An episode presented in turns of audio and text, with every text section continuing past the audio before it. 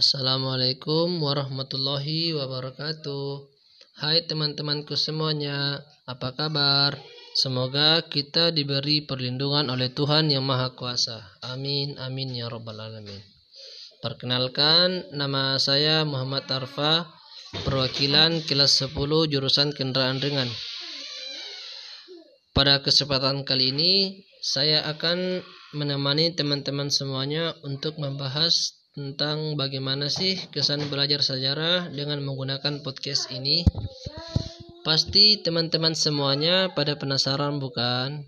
Gimana sih rasanya? Terutama buat teman-temanku yang belum pernah coba podcast ini. Nah, langsung saja kita simak kesan singkat saya selama belajar sejarah dengan menggunakan podcast ini. Awalnya saya bingung menggunakan podcast ini dan agak grogi tentunya. Karena menurut saya ini merupakan hal yang sangat baru. Belum pernah diajarkan di sekolah mana pun. Namun, dengan rasa ingin tahu saya dan beberapa bimbingan dari ibu guru di sekolah, akhirnya saya mulai merasa percaya diri untuk membuatnya sendiri.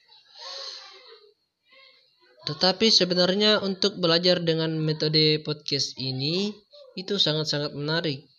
Soalnya metode ini merupakan metode baru yang mengajarkan kita untuk berbicara sendiri, berimajinasi dengan menggunakan bahasa sendiri.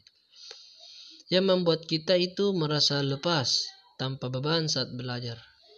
Jadi, kita saat kita belajar, kita akan mendapatkan tiga hal penting yang pertama itu ilmu yang bermanfaat, yang kedua itu pengalaman baru, dan yang ketiga itu keseruannya.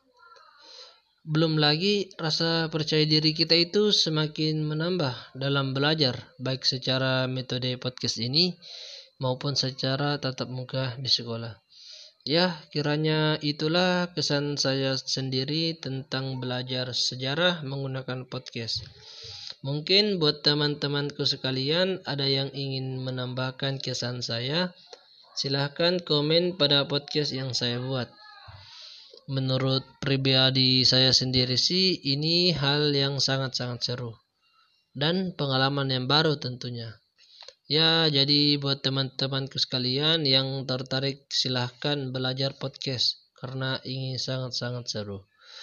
Baiklah, sekian dari saya apa semoga apa yang saya sampaikan tadi itu bermanfaat buat teman-temanku sekalian. Assalamualaikum warahmatullahi wabarakatuh.